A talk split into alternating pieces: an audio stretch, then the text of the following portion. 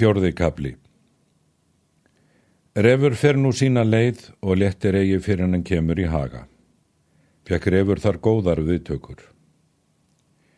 Og er þeir frændur tókust orðum spyr gestur ef hann sagði nokkur tíðindi.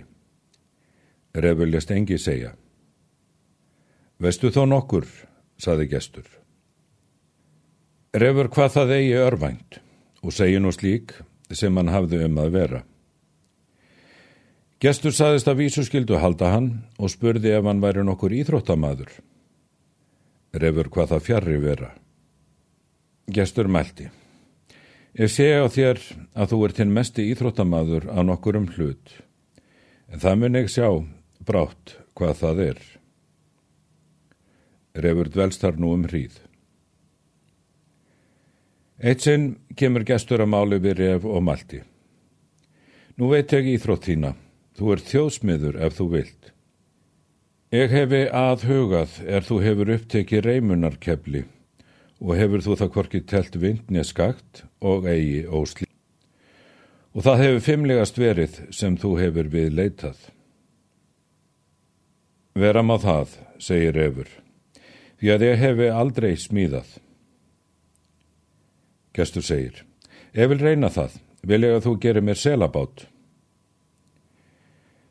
Refur Malti, fáð þú mér svo efni til og smíðartól að það sé allt meiri nótt, því að það er margra manna háttur að þeir kenna því um ef eigi verðu vel að latlega sé til fengið. Ég vil að engi maður forvittnist þessa smíð, því að það er vel mælt, ef vel verður að sá nokkur muni til hafa komið er mér muni kjent hafa. Gestur lætu nú búa hróveitt mikið og draga þangað viðu mikla.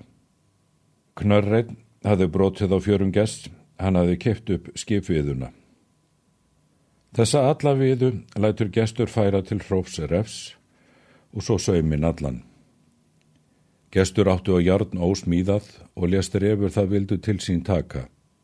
Hvað sjálfur vildu saum slá. Smíðartól á alla vega let gestur þanga bera svo afl og kól. Þá mælti gestur. Nú hef ég svo alla hluti látið bera til hróksins að eigi mun fleira þurfa, þó þar var eða smíðaður byrðingu sá er velmætti fara á til annara landa. Refur hvað hann ekki meira meg að gera, hvern meg sinn til tækist. Nú tekur refur til smíðar. Hann rýs upp snemma en kemur síð heim. Þessu fer fram þrjá mánuði. Það var eitt morgun að gestur sendi trúnaðarmann sinn til hrópsins.